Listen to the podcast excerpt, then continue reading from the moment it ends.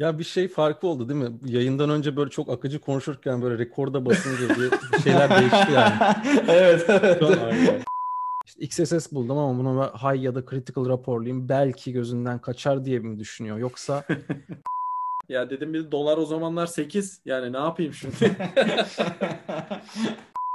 işte bir yeri tıklıyor tıklıyor bir şeyler açıyor bir şeyler kapatıyor falan. Sonra tarayıcının üstündeki yere şey yazdı. E, şimdiye kadar olanları görmezden gelin yanlış yapmışım. Şimdiden takip edin diyor. abi ya. Hani Kes, kessen abi onu Abi, ne yapayım? aynen. Dünyada durum böyleyken Türkiye'de nasıl ilerliyor? Türkiye sence yani buraları yakalayabilecek mi? Bizim bir SQL vardı abi HackerOne'da. Ona bir Çıkmadan bir bak diyorsun. Herkese selamlar. Herkes için güvenliğin bu bölümünde Ahmet Gürel ve efsane konuğumuz Utku Şen ile birlikte Bug Bounty hakkında konuşacağız. Bu işin arka planında neler dönüyor ve onun tecrübelerinden bahsedeceğimiz bir bölüm olacak. Öncelikle abi hoş geldin. Hoş bulduk. Selamlar herkese. Selamlar Utku, hoş geldin. Hoş bulduk. Nasılsın? Nasıl gidiyor? Ya bir şey farkı oldu değil mi? Yayından önce böyle çok akıcı konuşurken böyle rekorda basınca bir bir şeyler değişti yani. evet, evet. Şu an elim ayağıma dolaştı. Neyse şakası bir tarafa. Ee, yani beni buraya davet ettiğiniz için çok, teşekkürler öncelikle. Hani zaten ben sizin podcast'inizi takip ediyorum. 10 numara içerik yapıyorsunuz. Hani e, inşallah güzel bir içerik çıkartırız yine. İnşallah abi Teşekkür süper. ederiz Ya, abi. Seni de zaten hem YouTube'dan, Twitch'ten, Hı. işte SoundCloud'dan nereden bulduysak takip ediyoruz. Onlarla ilgili Teşekkür de ederim sağ e, detaylıca konuşacağız. Ama bizim tabii programın bir açılış ritüeli var. Herkes nerede bulunuyorsa oradaki hava durumunu söylüyordu. Hı. Sanırım şu an hepimiz İstanbul'dayız değil mi? Aynen. Evet, İstanbul'da.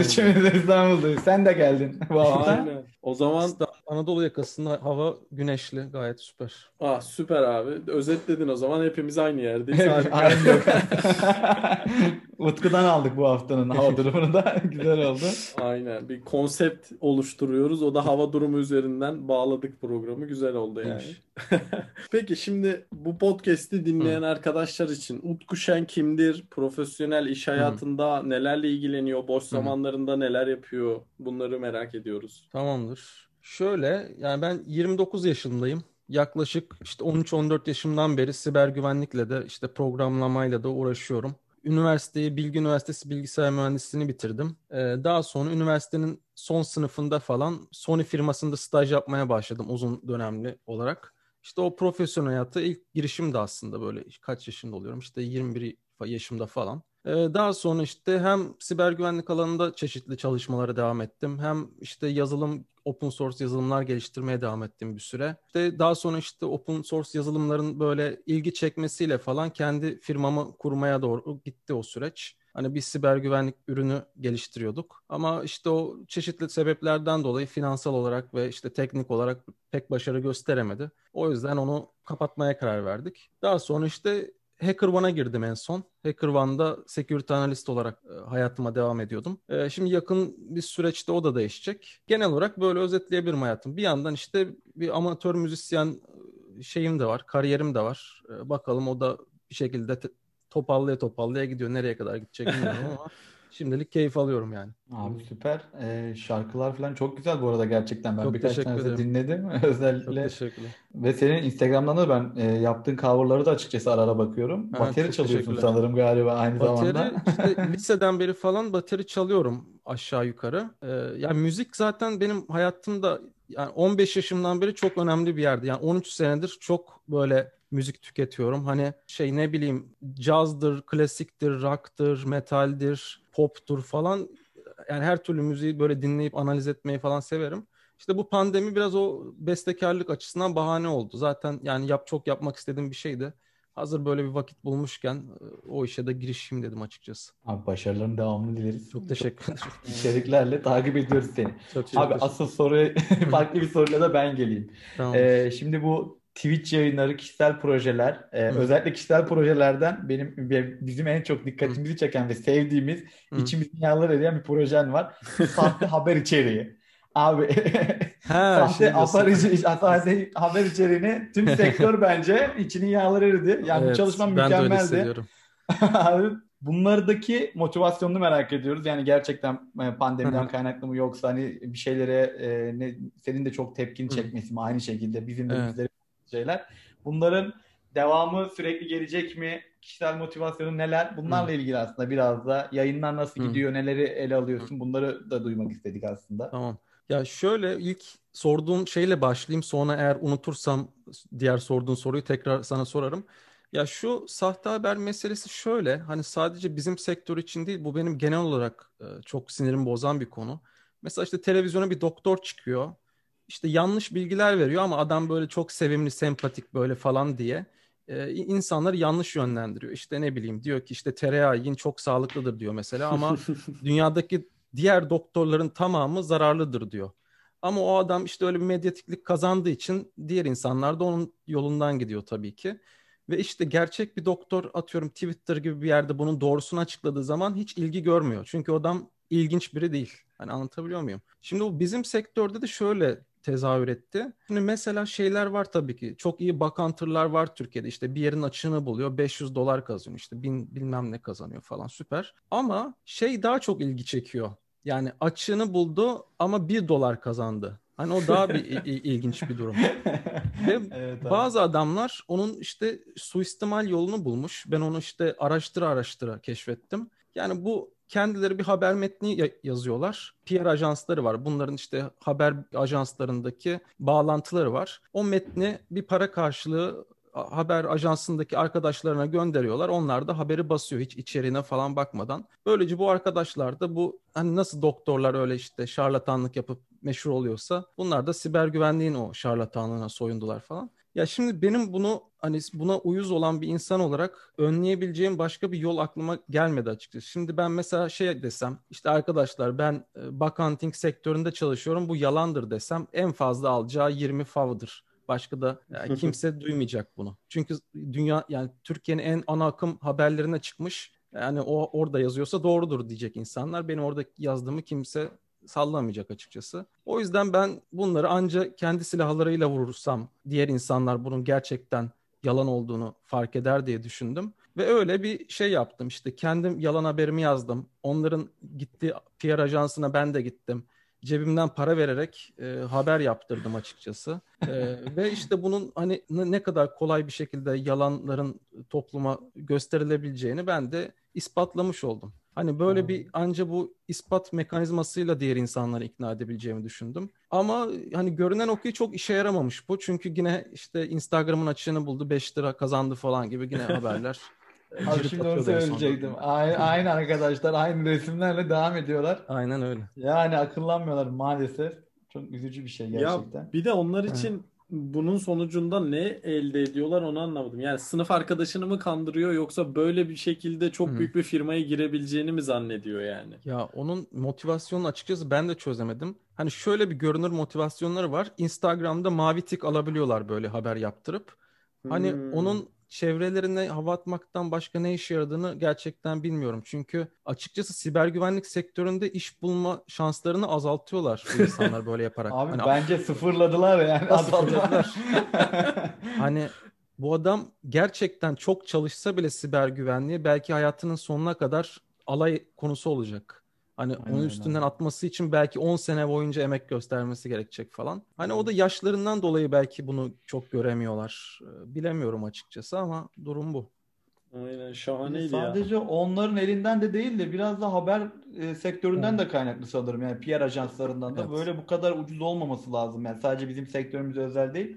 E, gördük ki birçok haber şey insanlar okuduklarını araştırmadan inanan çok insan var. Hı. Haber hani gazetede oldu, habere çıkmış, sitesinde yazıyor gibi. Ya o, o sonuç da kötü çok aslında ya. Kesinlikle katılıyorum. Yani o Türkiye'nin dediğin yüzde doksanına falan tekabül ediyor. Hani okuduğunu araştırmadan inanmak. Yani her kesimden insanlar yapıyor bunu. Bir de zaten Türkiye'de artık gazetecilik dediğimiz şey tamamen klik almaya yönelik bir şey olduğu için mesela Google'a şey yazıyorsun. Hafta sonu sokağa çıkma yasağı var mı yazıyorsun Google'a. İşte ilk sırada haber siteleri çıkıyor. Haberin içine tıklıyorsun. Onunla ilgili hiçbir bilgi yok ha. Hafta sonu yasak var mı? Bakın o bakan hafta sonu yasağı için ne dedi? E, hafta sonu haberlerini görmek için tıklayın.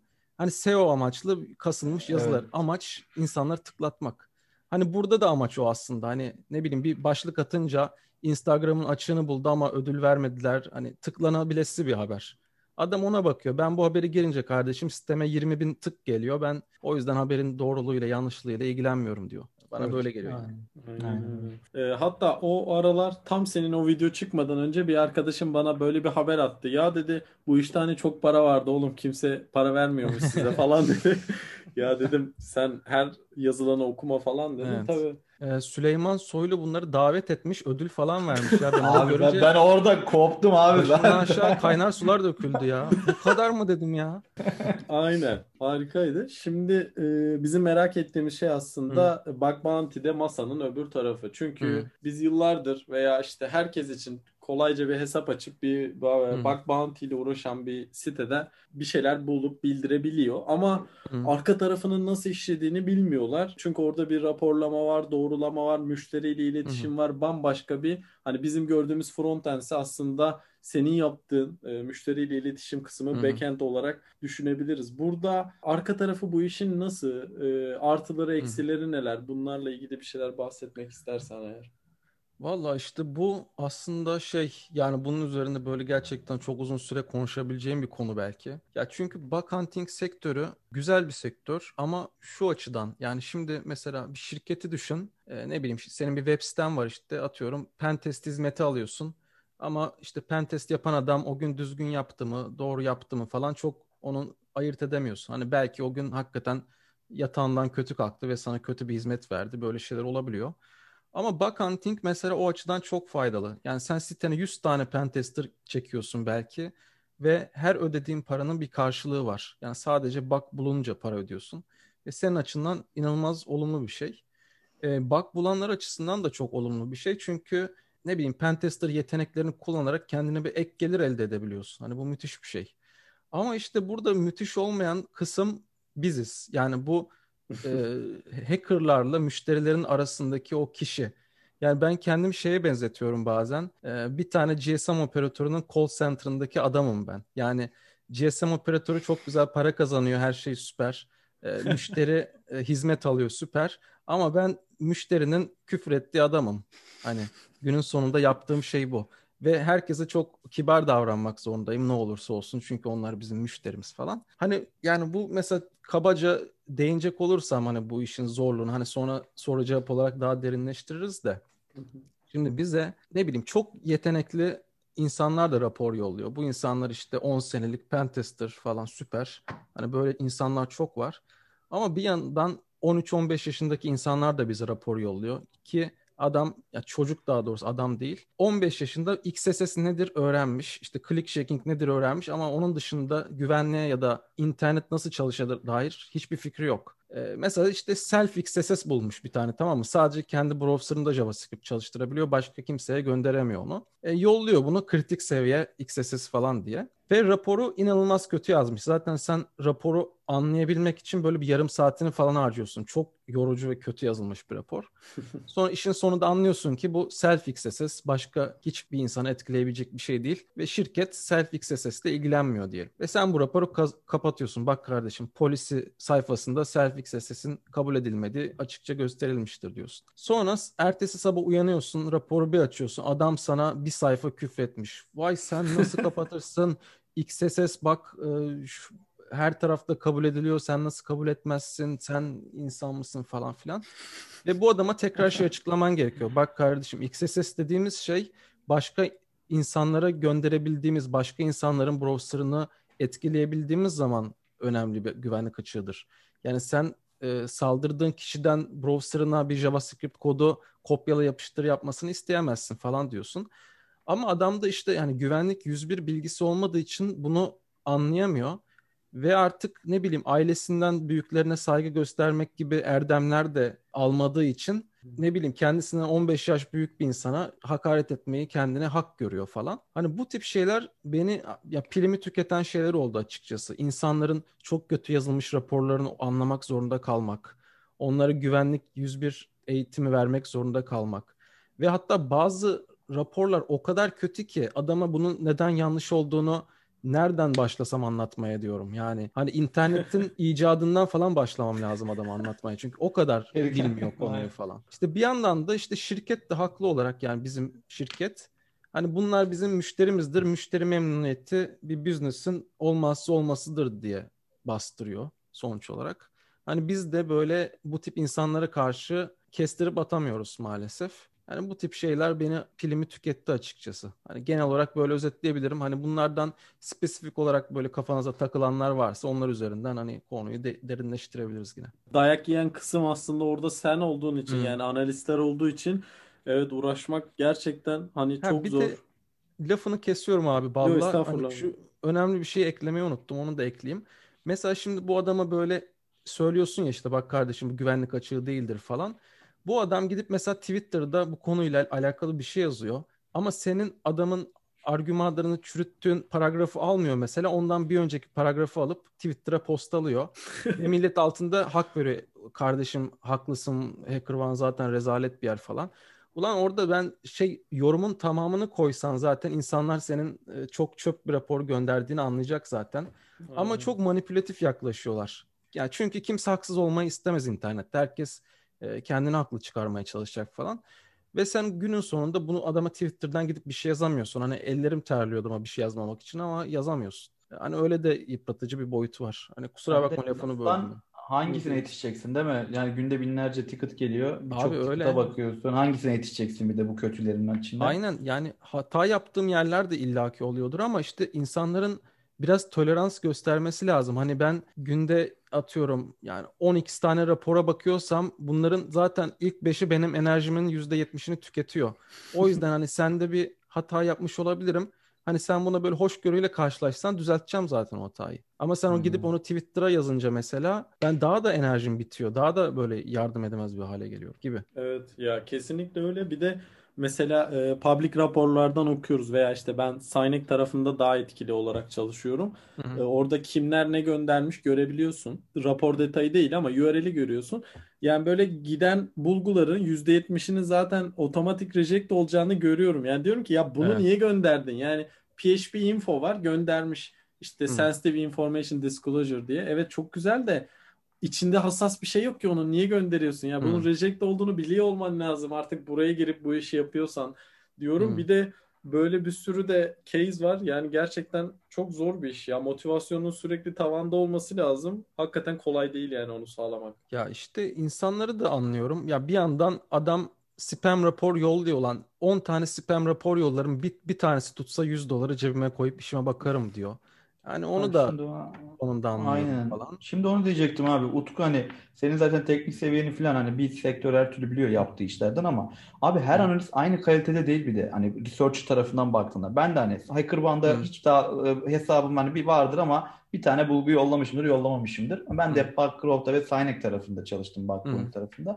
Ama abi gerçekten e, researcher'dan researcher'a çok fark ediyor. Gerçekten bazen Hı. valid bir bulgu, kaliteli bir bulgu olmasına rağmen işte researcher'ın biri çok farklı ele, ele alabiliyor. Hani daha sonra evet. düzeliyor bu zaten. O, evet. Dediğin gibi hani biz gidip bunu hiçbir zaman Twitter'a atmadık bir şekilde Hı. yapmadık. Yani o yorumunu yazdıktan sonra biz de aynı açıklamayı yapıyoruz. Gerekli video kanıtı gönderiyoruz falan. Hı. Hani sonuca varıyoruz bir şekilde. Evet. Ama dediğin gibi adam bunu 100 10 tane 100 tane yolladığında her researcher aynı bilgiye veya aynı altyapıya sahip olmadığı için bazen anlamlandırılamayan ve bulgu olmayan şeylere para ödül alabiliyor insanlar. Hani bizim de researchlar arasında konuştuğumuz şeyler oluyor bazen.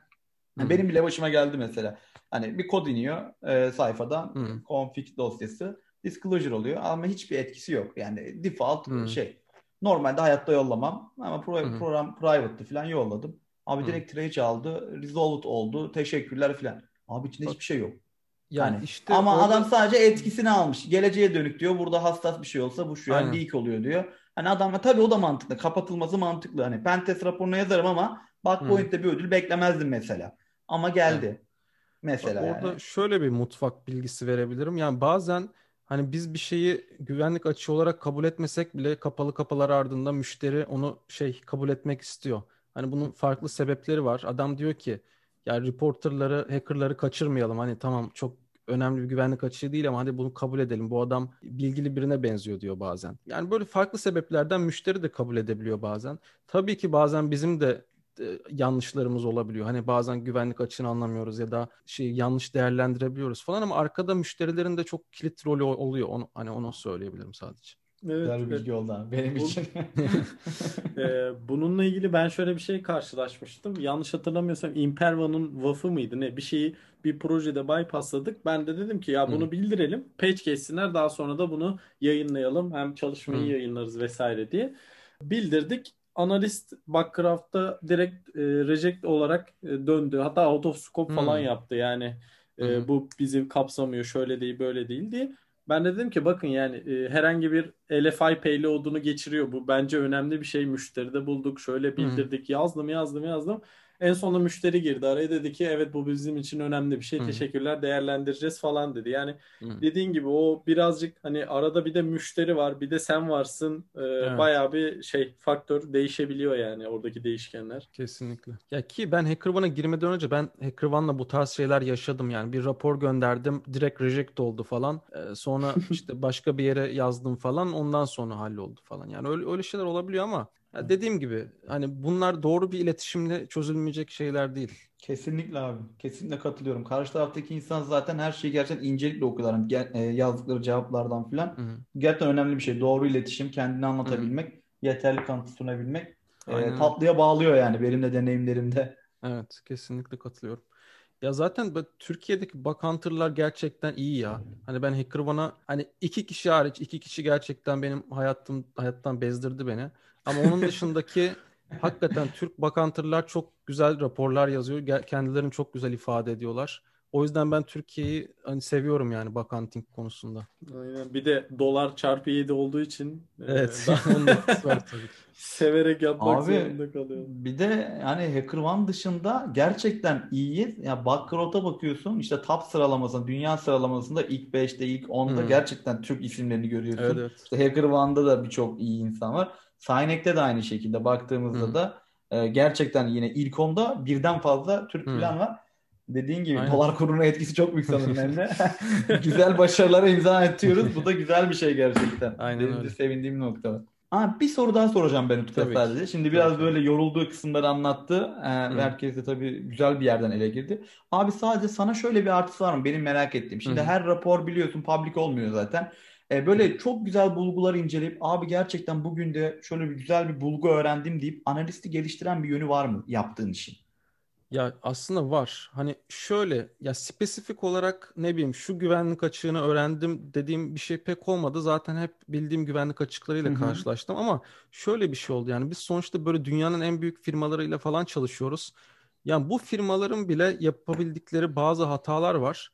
Hani bu firmalarda neler ters gidebilir, neler düzgün yapılır onu fark ediyorsun. Yani ne bileyim, yani şimdi isim vermeyeyim. Dünyanın böyle en büyük bilmem kaçıncı firması bir tane subdomain içinde bir yerde hani 10 senelik bir uygulamayı unutabiliyor adamlar. Hani bu bana neyi öğretiyor? Yani bu kadar büyük firmalarda bile işte envanter yönetimi çok boktan olabiliyor. Adam unutmuş yani bir şeyi. Orada admin admin şifresi falan kalmış böyle bir şeyler. Hani bu tip şey öğrendim yani. Hakikaten hangi firmalar ne tip doğrular yapıyor, ne tip yanlışlar yapıyor bunu öğrendim. Ama hani şey dürüst olmak gerekirse Aa, şöyle bir güvenlik açığını hani he, şu şu konuda sadece kendim geliştirdim. Bu işte SSO dediğimiz işte Open Authentication dediğimiz sistemlerde aslında e, çok fazla güvenlik açıkları çıkabiliyormuş. Onu öğrendim. Hani eskiden o konuda o kadar bilgim yoktu. Onun dışında çok fazla böyle yeni bir şey sanırım öğrenmedim ya. Evet, merak ettim. Açıkçası ben merak ediyorum. Hani şey analist olarak ben kendim yani masanın ben de bir diğer tarafında research olarak hani açıkçası merak ediyordum. Ya abi insanlar neler raporluyor. Yani sağ XSS tabii ki veya standart bir tırnak SQL tabii ki hani e, ticket aç kapat. Ama dedim hani böyle çok efsane bulgular geliyor mu? Yeni bug'lar hani böyle düşünce tarzını değiştiren şeyler görüyorlar mı acaba gibi. Ya, Hep merak ediyordum. Cevapladığın için teşekkür aslında ederim. Aslında bir abi. tane geldi. O da henüz public edilmedi galiba o çalışma da bir tane dünyanın en büyük web güvenliği araştırmacılarından bir tanesi. İsim vermeyeyim falan belki gizli Hı-hı. bir şeydir adamın da. Tabii, tabii. Mesela o bir iki hafta önce bundan böyle birkaç platforma hani zero day sayılabilecek bir şey bildirmişti mesela. Ee, bu bu adam şey hatta yani HTTP request smuggling'i falan bulan adam. Ee, hani bu adamın mesela yeni bir çalışmasını böyle belki ilk defa gören bir bir kişi ol, olmak beni çok heyecanlandırmıştı açıkçası. Ama işte senede bir tane böyle case denk Tamam. geldi. Sürekliliği olan bir şey değil ama güzel Evet. bir tat. En azından e, Evet. yaptığın işte arada bir heyecanlandırabiliyor. Evet. Güzel abi. Kesinlikle aynı. Ya bir de şey var burada. Analistin kendini ne kadar geliştirdiği de önemli. Yani burada mesela bir sene tecrübeli ya da yeni mezun olmuş biri analist olarak gitse ben milyonlarca şey öğrendim diyebilir ama burada hani Evet. Utku'nun zaten teknik gelişimi vesaire yaptığı işlerden sonra oraya gitmesi bambaşka bir şey kazanmıştır yani e, o açıdan. Ya evet tabii ki o kişiden kişiye göre değişebilir. Hani ben ya tabii ki yeni şeyler öğrenmişimdir. Hani bu mesela yani eskiden pentestlik pentesterlık yapıyordum ama uzun zamandır yapmıyordum. Mesela işte işe girmeden önce bazı XSS'leri falan nasıl bypass edeceğimi pek bilmiyordum. Hani en azından o tip trikleri öğrenmiş oldum. Hani bazı wafflar nasıl bypass edilir, bazı XSS'ler işe yaramadığında nasıl bir şeyler yapılabilir. Hani o tip ufak ufak trikleri hani aslında öğrendim kendi açımdan. Süper. Ben şöyle bir şey sorayım. Bug bounty ile uğraşan arkadaşlara hem kişisel gelişimleri Hı. için hem de böyle yazdıkları rapor kalitelerini arttırabilmesi için bir önerim var mıdır? Ya işte o rapor konusu bence kesinlikle çok önemli. Yani şimdi mesela 18 yaşında bir insan atıyorum sadece bug bounty yapıyor ama hani bundan 5 sene sonra muhtemelen bir şirkete girip çalışmaya başlayacaklar. Hı. Hani bize kötü rapor gönderdikleri zaman biz o kötü raporu reddetme şansımız yok. Yine okuyup anlamak zorundayız. Sorular sormak zorundayız.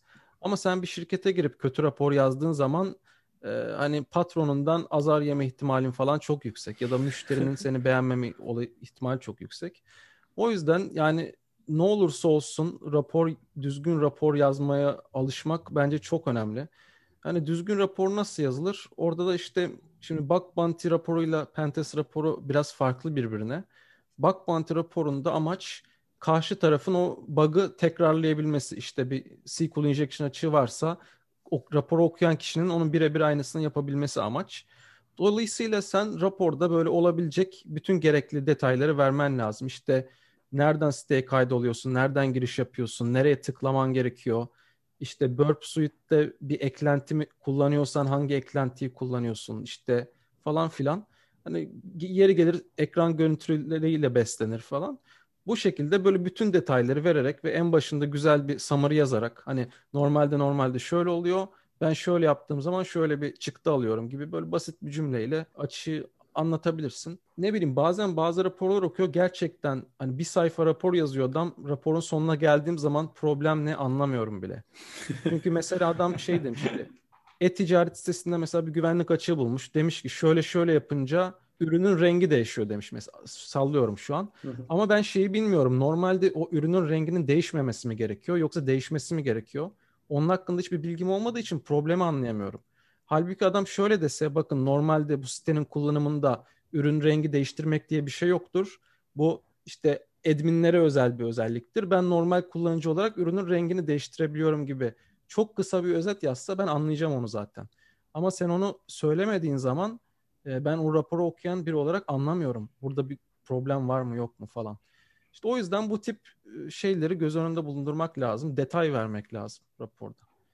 Ee, onun dışında Kesinlikle. hani rapor dışında da şey yani diyelim sen XSS çok iyi buluyorsun falan ama bir yandan o XSS'in developerların nasıl çözeceği konusuna da kafa yormalarını tavsiye ediyorum. Ya çünkü sen hayatın boyunca muhtemelen bug hunting yapmayacaksın. Bir noktada işte bir güvenlik açığı bulduğun zaman başka insanlara o açıkla ilgili tavsiye vermen gerekecek. Yani kariyerin boyunca. O yüzden hani XSS'i bulduğun zaman bir de şeylere göz at. Yani bu XSS problemi nasıl çözülür? Ee, neler yapmak lazım? Hani developerların ya da sistem adminlerin falan bu konuda yapabileceği şeyler var mı falan. Hani işin biraz defans tarafına da ben kafa yormalarını tavsiye ediyorum. Çünkü o zaman atak tarafına da daha hem verimli oluyor hem de şey sen daha bilgili bir insan oluyorsun yani sonuç olarak. Hani öyle bir örnek verebilirim. Ee, onun dışında şey e, yani ne bileyim çok fazla böyle güvenlik açığını bulmak işte seni iyi bir security uzmanı yapmıyor. Yani onu ben hani bug hunter'ların e, bu gerçekle yüzleşmelerini istiyorum. Ya çünkü sen 500 sitede diyelim XSS buldun oradan 50 bin dolar para kazandın. Hani Egon tavanda falan ama senin tek bildiğin şey XSS. Hani güvenlikte çok fazla öğrenilecek konu var. Çok fazla şey var. Ee, ve sen günün birinde bu bug hunting dünyasından uzaklaşman gerekebilir. O zaman böyle sudan çıkmış balığa dönebilirsin. O ok- okyanus içinde boğulabilirsin. O yüzden hani o ego şeyine takılmadan yavaş yavaş yavaş yavaş kendini farklı alanlarda da geliştirmelerini tavsiye ediyorum açıkçası ben. Özellikle yaşı genç olan hani 18 19 20'li yaşlardaki hani bug hunting hunter'lara söylüyorum yani. Abi çok güzel bir konuya değindin. Hatta biz de geçen bölümlerde bununla ilgili kısa bir konuşmuştuk bu podcast serisinde yine. Barkın abiyleydi sanırım. Hatta Canberk'le de konuşmuştuk. Hı. Yurt dışında iş mülakatları falan. Gerçekten kurumsal bir firmada ya da işte bir danışmanlık firmasında iş mülakatı yaptığında evet CV'ndeki Hall of Fame'ler hani iyi duruyor. Hani özellikle ben de e, iş görüşmeleri yaptığımda ekibe yeni bir aday alacağım da pentester olarak e, değerlendireceğim de tabii ki bir aday hani güvenlik açıklarını bilmesi, webde veya büyük şirketlerde bir şeyler bulması ama yeterli değil. Hani sadece buna Evet. güvenerek ben zaten bir bak hunter'ım şunları buldum. Dediğin gibi bu iş bir hani bütünsel bir iş güvenlik yaklaşımı. Müşteriye aynı zamanda bulduğun şeyi anlatmak, sunmak, işte buradaki güvenlik açıklarının nasıl giderileceğini de bildirmek çok çok önemli bir şey. Evet. Aa, Hepsine değindin zaten. Gerçekten en güzel yere değindin bence de. Ya şöyle bir ufak bir ekleme yapabilirim. Hani o Hall of Fame'i yani özellikle bir insan kaynaklarından falan birileri dinliyorsa bu yayına Hall of Fame'i bence görmezden gelin. Yani bir adayın Hall of Fame'e girmesi o kadar da önemli bir şey. Yani bir şey ispatlamıyor. O adam çok gerçekten güzel bir güvenlik açık, açığıyla da Hall of Fame'e gir- girmiş olabilir. İnanılmaz çöp bir şeyle de girmiş olabilir. Onu dışarıdan görmeniz mümkün değil. O yüzden onu görmezden gelip adamı normal herkese nasıl mülakat alıyorsanız öyle almanızı tavsiye ediyorum. Eğer HR'lar falan yani işe alan insanlar bunu dinliyorsa öyle bir tavsiye vereyim yani. Abi aynen. Ben de buradan o zaman arkadaşlara küçük bir tavsiye vereyim. Geçenlerde gördüm. Yani gerçekten dikkatimi çeken şeyler. Kimsenin de hevetini kırmak istemediğim için herhangi bir yorum yapmıyorum zaten ama Hı. şimdi hani e, duplicate ve P4 olan bir şeye Backcroft'da 1 puan veriyor. P4 dediğimizde zaten hani en low bulgular Hı. ve duplicate'e 1 puan veriyor. Yani bunu arkadaşlardan bir genç arkadaşımız almış paylaşmış. Daha ilk submit'i işte Hall of Fame'e girdim diye oranın resmini işte. çekip paylaşmış. Aynen öyle. Abi hani bu bir başarı değil yani. Hani gidip P1 eski injection bunu 40 puan alırsın oraya girersin dersin ki hani çok zor bir yerde e, bir yeri bypassladım. Evet. Hani anlatırsın blog yani bununla ilgili write up yazarsın anlarım Hı. abi. Bunlar daha değerli. Ama yani HTTP only eksik diye onu bildirip duplicate işte. olup da Hall of Fame'e girdiğin şeyi paylaşıp başarı olarak görmeyin arkadaşlar. Dinliyorsanız bizi yolun başında arkadaşlarımız varsa e, bu işi şey yapalım yani bir tık da öneride bulunmuş Aynen. olalım. Yani %100 bu- katılıyorum. buna bir de ben ekleme yapayım. Madem böyle içimizdekileri çıkartıyoruz. Ya şöyle hani insan ne bileyim ilk bulduğunu paylaşır ya da çok yüksek bir miktar bir şey alırsın, bypasslarsın falan. Bunlar hani motive eden şeyler olabilir insanı. Paylaşmaktan da zevk alırsın, gurur duyarsın ama ya öyle insanlar var ki artık engellemek zorunda kalıyorum. Her şeyi işte bugün 100 dolarlık bir şey kazandım. Bugün sadece kabul ettiler. Bugün şöyle oldu, bugün böyle oldu. Yani artık bir yerde sıkılıyorsun. Tamam kardeşim sen bu işi yapıyorsun. Çok da güzel yapıyorsun veya yapmıyorsun. Ben bilmiyorum onu ama artık her kazandığını da atma ya. 50 doları da atma anladın mı? Yani tamam oradan bir kazancın var. Ben de buna ayar oluyorum arkadaşlar. Güzel şeyleri paylaşın. İlk defa yapıyorsanız gene paylaşın ama artık 3 yıldır bug bounty yapıyorum. Her 50 doları artık tweet atma ya. Hani ne bileyim öyle bir kitle mi var yani? Bunu aç bir kitle mi var? Of gene 50 dolar aldı yaşasın falan diye. Ama var galiba ya o bir şey ben yabancılarda da görüyorum onu biraz daha dediğin gibi e, parayı böyle para ödüllerini biraz kıyaslamak için belki bir şey için gerçekten çok paylaşılıyor. Türkiye'de de yapan arkadaşlar var. Ama dediğin gibi var herhalde böyle bir şey. Ben de bilmiyorum bu arada var mı yok mu da.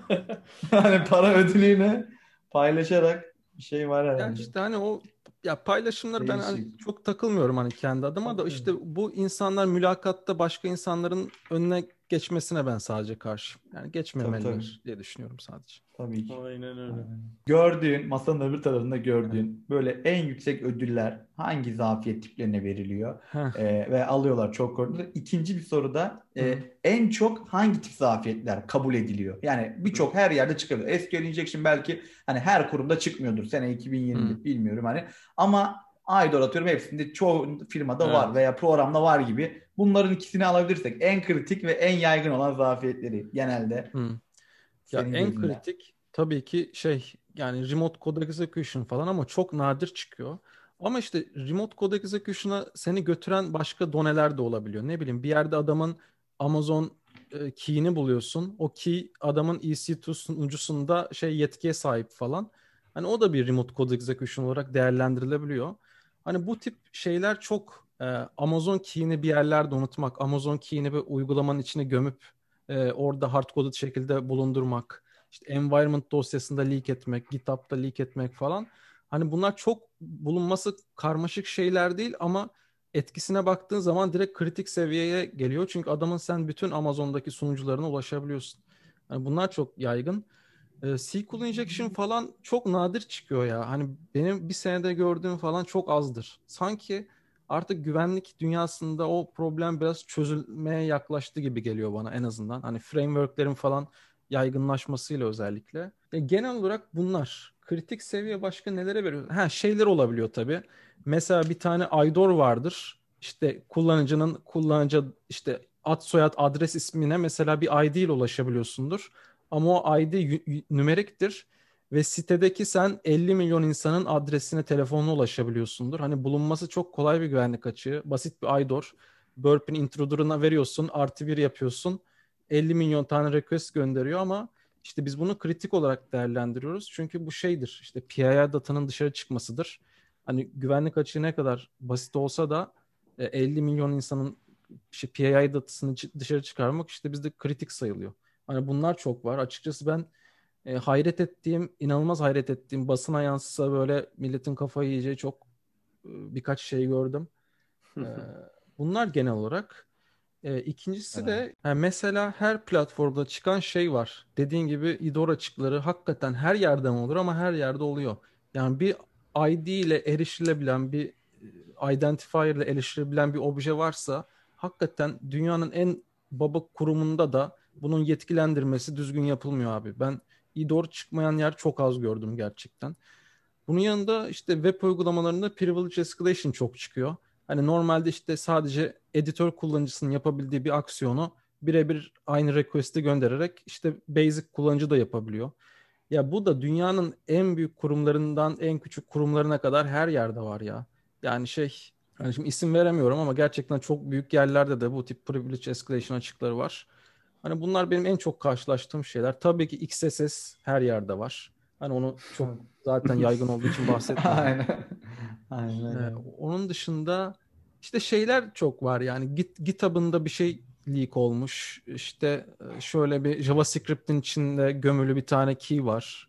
Yani bu tip şeyler her neredeyse platformda var. Genel olarak böyle yani aklıma gelen en yaygın şeyler bunlar. Tabii. Aynen. Pentest'te de örtüşüyor zaten. Hani şu an güncel pentest yaptığımızda da aynı şeyler dediğin gibi. Yani böyle SQL injection'larmış, şunlarmış dediğin gibi bizim de artık yeni framework, özellikle yeni Hı. geliştirilmiş uygulamalarda. Hani 5-10 evet. yıllık uygulamalar için konuşmuyorum. Hani Hı. yeni geliştirilen ekiplerde önümüze çok az çıkıyor ama dediğin gerçekten yetki yükseltme, işte IDOR açıkları, Hı. hani authorization'a dayalı birçok şey de tam bir en çok gördüğümüz açıklar gerçekten bizim de testlerde de, Bugpoint'te de. İşte örtüşüyor. bir gün frameworkler bunları çözerse bu olaylar çözülecek. Yoksa yani developerlar tek başına bir şeyleri böyle bu kadar kafa yor, yormayı sevmiyorlar anladığım kadarıyla. Evet abi güvenlik biraz daha ikinci planda kaldığında hani hmm. kurumsal bir yerde de olsa e, bireysel de geliştirse e, bir de her sene alttan yeni yazılımcılar geldiği için sonuçta hmm. bazen onların öncelikleri de o programlama diline hakim olmak, o framework'e hakim olmak oluyor. E, güvenlik de bir, belki bir senior'lar için daha yani önemli olabilir ama yeni gelen bir junior developer için yine birinci öncelik hmm. güvenlik olmuyor doğal olarak. E, bu hatalar da devam ediyor. Dediğin gibi bir gün frameworkler bu tarafa da el atarsa ekmek ekmek teknesinden alabilir. Aynen öyle. Aynen öyle ya. İşte frameworkler çok önemli bir rol alıyor dediğiniz gibi. Bir de bunun üzerine şimdi e, güvenlik cihazları da gelişti. Yani bir şey buluyorsun hmm. ama devam ettiremiyorsun. O vuruyor, hmm. bu vuruyor. Bu sefer oturuyorsun, onu bypasslamaya çalışıyorsun. Ekstra bir Tabii. challenge oluyor. Zaten hani güvenlik dediğim şey hepsinin bir birleşim oluyor ya insandı, cihazdı, işte sistemdi, mimariydi falan. Onların hepsini de bu kadar büyük ve gelişen bir e, yılda hatta yüz yılda diyeyim nasıl tamamlayabilecekler ya da yapabilecekler mi gerçekten Hı. soru işareti. Keyifle izleyeceğiz yani. evet. Peki e, şey soralım abi. Bu Hı. raporları bir sürü rapor okuyorsun. E, bunlarda Hı. karşılaştığın en büyük hatalar neler? Yani atıyorum XSS gönderiyor. CVSS skoru 10 olmuş gibi ya da Hı. e, screenshot eklemiş ama bambaşka alakasız bir müşterinin screenshot'ını Hı. eklemiş göndermiş gibi. Böyle karşılaştığın şeyler var mıdır? Tabii ya şöyle CVSS'i yani in- yollayanların %95'i falan yanlış yolluyor. Bunun iki, iki sebebi var. Ya hakikaten CVSS'i çok iyi bilmiyor ya da e, şey bizi kandırmaya çalışıyor. Yani gönderdiği raporun tabii ki daha fazla para kazanmasını istediği için işte XSS buldum ama bunu high ya da critical raporlayayım belki gözünden kaçar diye mi düşünüyor? Yoksa bir de şöyle bir bir de şöyle bir dikkatimi çeken bir şey var. Hani kendi pentesting dönemimden de biliyorum. Şimdi biz mesela pentest yaparken atıyorum 10 saatimizi harcıyoruz. 10 saatin sonunda bir güvenlik açığı buluyoruz ya. Bu bizim için çok kıymetli bir şey haline geliyor. Yani biz burada objektif bakamıyoruz bulduğumuz şeye. Çünkü biz ona ne kadar emek harcadığımızı biliyoruz. O yüzden bize daha değerli bir şey gibi gözüküyor. Ve bu insanlara da sanırım daha değerli gözüküyor. Yani adam bir XSS bulmuş ama belki 10 saatini harcamış bulun bulmak için ve onun böyle çok kritik bir şey olduğunu düşünüyor. Ama halbuki sen objektif bir gözle baktığın zaman, düzgün bir hesaplama yaptığın zaman e, onun kritik bir şey olmadığını görüyorsun. Hani öyle bir şey de olabilir. Bir yandan kötü niyetli olan insanlar da var bizi kandırmaya çalışan. Bir yandan CVSS'in bir dokümantasyon açıp okumayan insanlar falan da var. Hani o bir şey. Yani CVSS bir şey.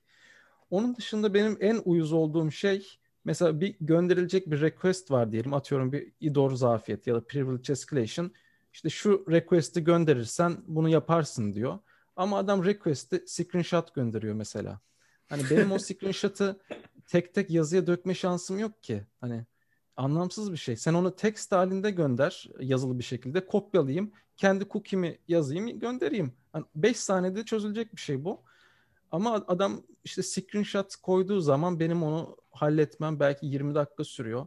Ve ben işte son zamanlarda o tip raporları şey demeye başladım yani text gönder tekrar gönder raporu. Ya uğraşamam senin 10 tane screenshot'ını tek tek tek tek yazmakla falan. Yani onlar çok oluyor. Onun dışında işte e, ne bileyim adımları eksik veriyor mesela. Ya şöyle şeylerle çok karşılaşıyorum. Ne bileyim şimdi 20 adımlı bir rapor diyelim. Adam diyor ki işte kullanıcıyla giriş yap. Tamam yaptım. E, işte ne bileyim katalog sayfasına git diyor. Tamam katalog sayfasına gittim. E, mesela diyor ki oradan haritalara git. Şimdi bakıyorum sayfalarda mesela haritalar diye bir şey yok. Arıyorum, arıyorum, arıyorum yok. Tamam mı? Sonra adamına diyorum ya bu kataloğa gittim de burada harita diye bir şey yok. O da diyor he senin önce ayarlara gidip e, harita özelliğini aktif etmen lazım diyor. Ama ben bunu nereden bileyim ki abi? Yani senin bunu bana söylemezsen benim bunu bilme şansım yok. Ve sen Aynen. bu bu tip detayları eksik verdiğin sürece senin kazandığın e, para şey oluyor yani zamanı geçiyor. Belki o iki gün içinde alacağın parayı 10 gün içinde alacaksın bu tip e, şeyler. Az detay vererek falan. Hani onlarla çok karşılaşıyorum. E, bir de şey hani bazen rapor yollayan insanlar bizden uygulamayı tanımamızı istiyor da ya bizim 500 müşterimizin 500 uygulamasının hepsini bilmemiz imkansız ki. Ve bunlar sürekli değişiyor her gün. Hani bunu sizin hani şey, rapor yollayanların bize bu tip detayları vermesi lazım. Hani o var. Ee, onun dışında böyle sıkça karşılaştığım hatalardan yani genel olarak böyle hani şeyleri de sevmiyorum. Mesela adam hiç yazılı hiçbir şey sunmuyor. Sadece video gönderiyor. Video 10 dakika. Yani bazen diyorum tamam mı? Adam oradan oraya tıklıyor, oradan oraya tıklıyor, onu açıyor, bunu kapatıyor falan filan. Hani benim bunu takip etme şansım yok. Yani herkes 10 dakika video gönderse ben bunu nasıl takip edeyim tek tek? Bir kere yapmaya çalıştım onu. Adam şey yapmış. İşte bir yere tıklıyor tıklıyor bir şeyler açıyor bir şeyler kapatıyor falan. Sonra tarayıcının üstündeki yere şey yazdı. E, şimdiye kadar olanları görmezden gelin yanlış yapmışım. Şimdiden takip edin diyor. Abi ya. Hani Kes, kessen abi onu Abi, ne yapayım? aynen. Adam bir video edit programında onun başını atmayı bile layık görmemiş. Yani hiçbir şekilde saygı duymuyor bana. Ve benim orada 15 dakikamı yedi. Ben bir yandan Burp Suite'la adamın birebir yaptıklarını taklit etmeye çalışıyorum falan. O yüzden ben şey kabul etmiyorum artık video gönderenleri. Text yaz gönder falan demeye başladım. Ben herhalde Mükemmel. küfür eder bilgisayarda. Abi, Kapatırdım. aynen öyle. İşte bu tip şeylerden artık ben istifa ettim yani. Artık şey Ha, sabır işi biraz evet. sabır işi gerçekten evliya sabrı lazım bunu. Doğru. Şu an ama bu yayın benim için çok aydınlatıcı oldu biliyor musun? Gerçekten söylüyorum. Hani karşı taraftaki adamlara daha farklı bakacağıma eminim. Şunlar şu Evet. andan sonra. Ya Evet, evet, keşke ben- işte HackerOne izin verse de bunları mesela daha rahat konuşabilseydik. Ama o da şirket politikasıdır. Saygı duyuyorum. Hani triyajcıların böyle şeyler konuşmasını pek sıcak bakmıyorlar açıkçası. Keşke verseler. Hani keşke böyle bir video falan çekip anlatabilsek bunları ama iş olmuyor işte. Kesinlikle ya benim aklıma şey geldi. Benim de iki tane yaptığım hata var. Bir tanesi e, yanlış müşteriye yanlış rapor attım. Yani şöyle oldu. Raporu çok güzel yazdım. İDOR var işte burada şöyle yapıyorsun böyle yapıyorsun. Bizde Synec'te en üstte müşteriyi seçiyorsun. Raporu doldurup gönderiyorsun.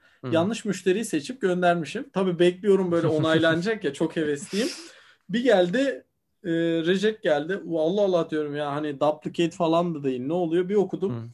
İşte bizde böyle bir sayfa yok ki hocam yanlış müşteriye mi gönderdim falan diye böyle o başımdan aşağı kaynar sular indi. Ulan dedim yani hiç mi bakmazsın? İkincisi de şöyle olmuştu. Gene IDOR'du yanlış hatırlamıyorsam. Bir authorization token vardı Hı. e, header'da. Ben onu değiştirmemişim. Sadece admin'de varmış. Normal kullanıcıda yokmuş. Ben aşağıdaki session cookie'yi değiştirdim. Aa dedim hocam burada. IDOR var. Evet, çok oluyor. Evet.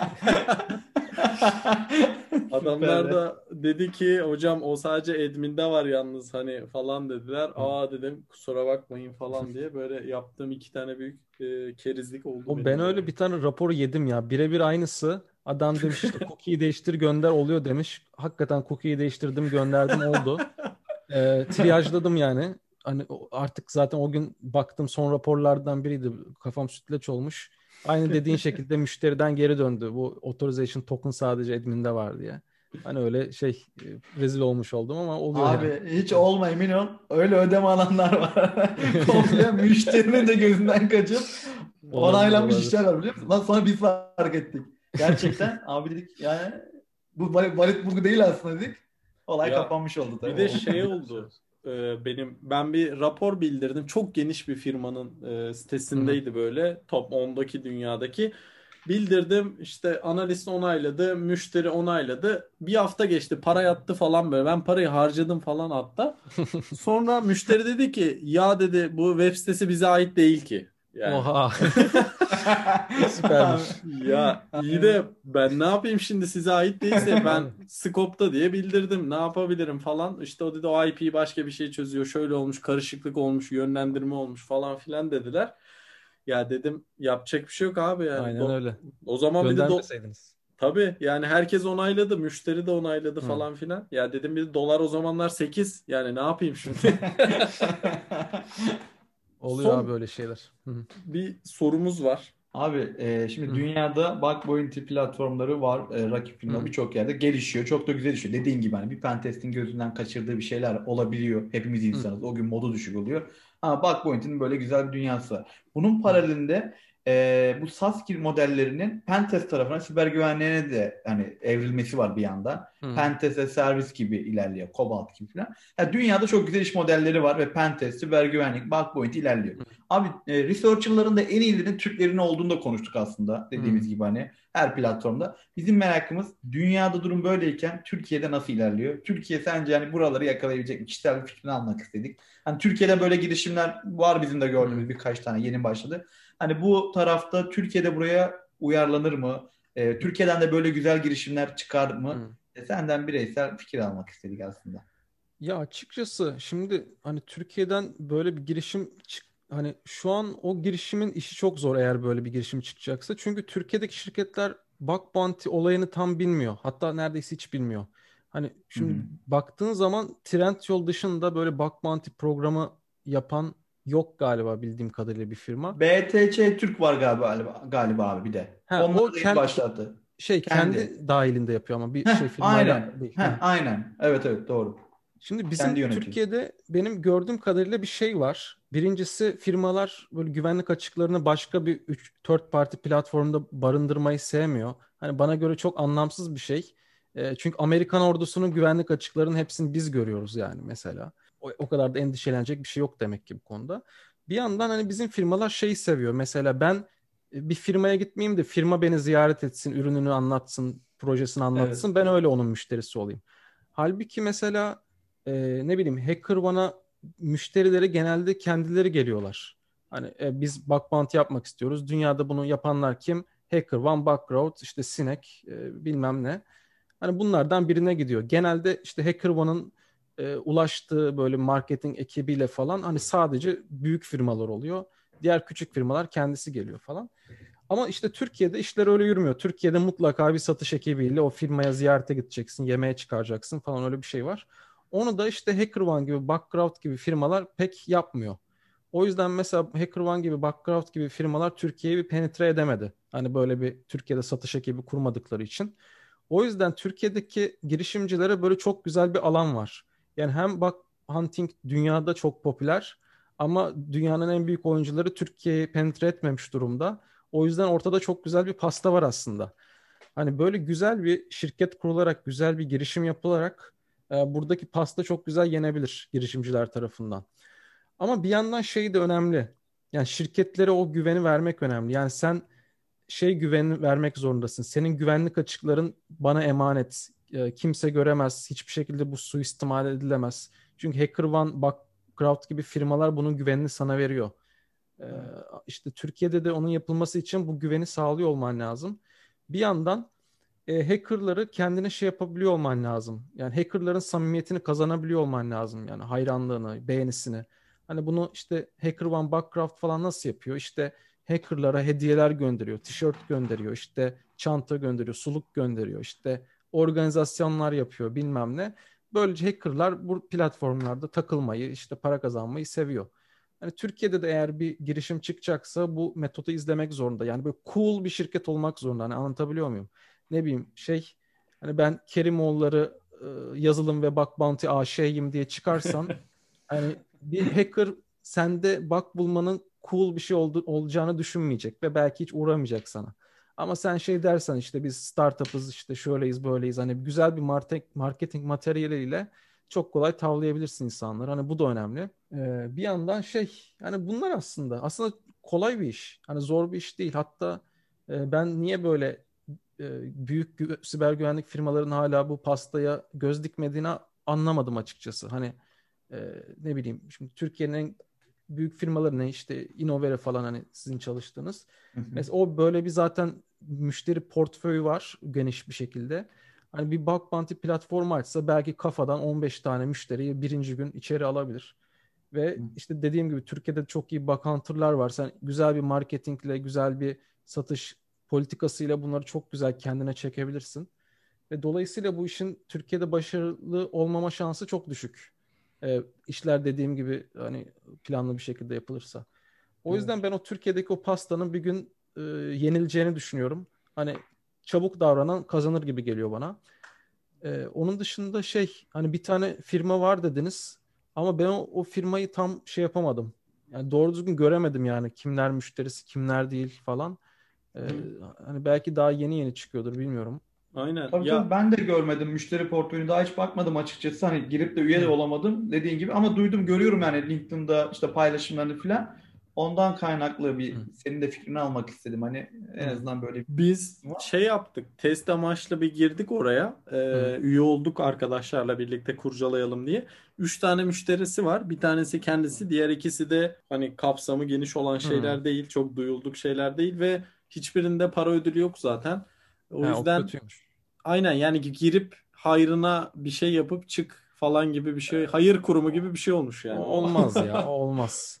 Yani böyle bir iş yapıyorsan başlangıcı para vermek zorundasın. Aynen Tabii. öyle. Bir de özellikle yeni başladıysan zaten dediğin gibi o bilmiyordum ben bu kadar detayını full e, pro, puanlı program olduğunu da e, dediğin gibi para vermeden biraz zor yani. Ya ee, çünkü biz şeyi merak etmiştik. Mesela XSS buldun 350 TL mi verecek, 350 doların karşılığını mı verecek Türkiye'de? Hani ona göre buradaki bir kitleyi çeker ya da ortalamasını bulur diye bir baktık zaten para vermiyormuş yani. Ya o şimdi ben de onu söyleyecektim aslında abi. Oraya gelecektim. Utku'nun söylediklerini istinaden dinledikten sonra. Benim de iki tane orada e, aslında hani pentest'in içinde olduğum için e, e, orada şey fikirlerim var. Şimdi Türkiye abi gereksiz regülasyonlara tabi bir şirket benim en önde gördüğüm. Hı. Ya SCADA testi yapacaksın EPDK var. İşte ne bileyim e, finans kuruluşuna test yapacaksın SPK'nın standartı var. Bankaya test yapacaksın ödeme kuruluşuna BDDK standartları var. E, hepsini geçiyorsun TS standartı var. Olmasını aranıyorlar. İhalede işte şartnamede. Adam senelik pentestini ihale usulüyle bu regülasyonlar için yaptırdığı için Bugpoint'i ikinci bir gereksiz bir alan gibi görüyor ki kendince. Yani Türkiye pazarının da Hı. bence böyle bir zorluğu var. Regülasyondan zo- dolayı zorunlu pentest almak zorunda olduğu için ve bunu yapan adam mutlaka TC vatandaşı olacak, TS Hı. sertifikası olacak, şu olacak, bu olacak. Yani benim gördüğüm birinci zorluk bu. Bir diğeri de şu bence. E, kaliteli researcher'ları buraya çekmek istediğimizde adam şimdi en basitinden e, kritik zafiyetler için 3000 dolar, 5000 dolar para alıyor baktığımızda. Yani Türkiye'de şu an nereden baksan 20 binden işte 30 bin TL arası değişen bir rakam. Bir, bir tane kritik zafiyet için. Pazar böyle olunca researcher Emre'nin dediği gibi TL bazında hani 3000 TL, 2000 TL'ye ben çalışacaklarına inanmıyorum bu researcher'ların. Onlar yine dolar piyasası hani çünkü global bir iş. Hı. Evet, herkes dolar veriyor. E, dolar verildiği takdirde de o platformun, o çalışanların masraflarıyla birlikte yine dünya standartlarında bir fiyat çıkacak yani müşteri için. Türkiye'de Hı. dolarla böyle bir iş almak belki pazarı korkutuyordur. Çünkü Pentest'te şu an Hı. e, çok fazla firma çıktı. Kaliteleri tartışır, evet iş yapışları Hı. tartışılır. Ama adam hani pazara çıktığında senelik pentestini işte 10 binden başlayıp e, 200 bine 300 bine kadar çıkan skalada fiyat teklifi alabiliyor. O da bütçesine en uygun olanı aldığı için hani Bugpoint belki bütçe olarak da böyle zorlayıcı bir şey olabilir benim gördüğüm. Yani ben bu iki noktadan ele aldım bir de Hı. Utku'nun söylediklerini. Bilmiyorum ne kadar doğrudur yanlıştır. Ya benim ben- görüşüm Hani dediklerine çok katılıyorum. Hani o hakikaten Türkiye'de pentest piyasasında o sıkıntıları var. Ama bütçe konusuna o kadar katılmıyorum. Yani çünkü e, hani Türkiye'deki büyük firmaları, büyük bankaları düşündüğün zaman zaten bunların güvenlik için inanılmaz büyük bütçeleri var. Yani sen Evet, evet. senelik bir 50 bin dolar, 60 bin dolar bir bug bounty kalemi çıkarmak alacağın faydanın yanında bence hiçbir şey. Hani Bana öyle tabii ki. Kesinlikle. Yani büyük kuruluşlar için öyle dedin. Enterprise müşteriler için aynen öyle. Yani pazarın tamamı için söyledim aslında. Biraz Evet. da hani sadece senede katılıyorum. one shot böyle işte hani küçük bir kapsamla abi 20 bine bize pentest yap diyen adamların Hı. point'e giremeyeceği. Zaten ama dediğin gibi hedef de onlar değil zaten. Hı. Ee, zaten güvenlik işi, işi biraz daha ön planda olan insanların başta gireceği bir platform zaten. Hı hı. Katılıyorum abi. Aynen. Valla benim ekleyeceğim başka bir şey yok. Şahane bir sohbet oldu. Yani biz buradan ya ben kendi adıma çok fazla şey öğrendim işin arka tarafını öğrenerek ve ona göre de bundan sonra ya- yazacağım raporları daha dikkat edeceğim. Şey yapmadan bizim bir SQL vardı abi HackerOne'da. Ona bir Çıkmadan bir bak diyorsun. Hazır yani podcast bahanesiyle seni çağırdık ama bizim bekleyen raporlar vardı diyormuşum öyle. Abi Vallahi vallahi çok teşekkür ederiz. Ya ben teşekkür ederim ya Teşekkür buraya ederiz. davet ettiğiniz için hani çok keyifli oldu. Ya inşallah şey insanlara faydalı bilgiler verebilmişimdir. Hani kendi bakış açımı yansıttım. Tabii ki bunların içinde yanlışlar vardır, doğrular vardır. Ama işte bunlar benim bakış açım böyle bu şekilde. Harika ağzına Bize çok sağlık. şey kattı. Gerçekten Çok bizi ederim. kırmayıp geldiğin için biz teşekkür Estağfurullah, ederiz. estağfurullah. Gerçekten Emre'nin dediği gibi ben de çok şey öğrendim burada. Hani seninle olan sohbetimizden. Masanın öbür tarafını biraz daha tanıdım. çok teşekkür ederiz abi. Ben İnşallah teşekkür ederim. pandemi sonrası yüz yüze de Vallahi oturup bu çok sohbeti sevindim. daha güzel bir yerde gerçekleştiririz. Çok çok sevinirim, çok mutlu olurum gerçekten. Aynen Aynen öyle. şekilde. O zaman arkadaşlar biz Utku Şen'in hesaplarını da e, aynı şekilde YouTube'da, Spotify'da her nerede yayınlıyorsak e, linklerini bırakacağız. Onu da takip etmeyi unutmayın deyip e, herkes için güvenliğin bu bölümünde herkese hoşça kalın diyoruz.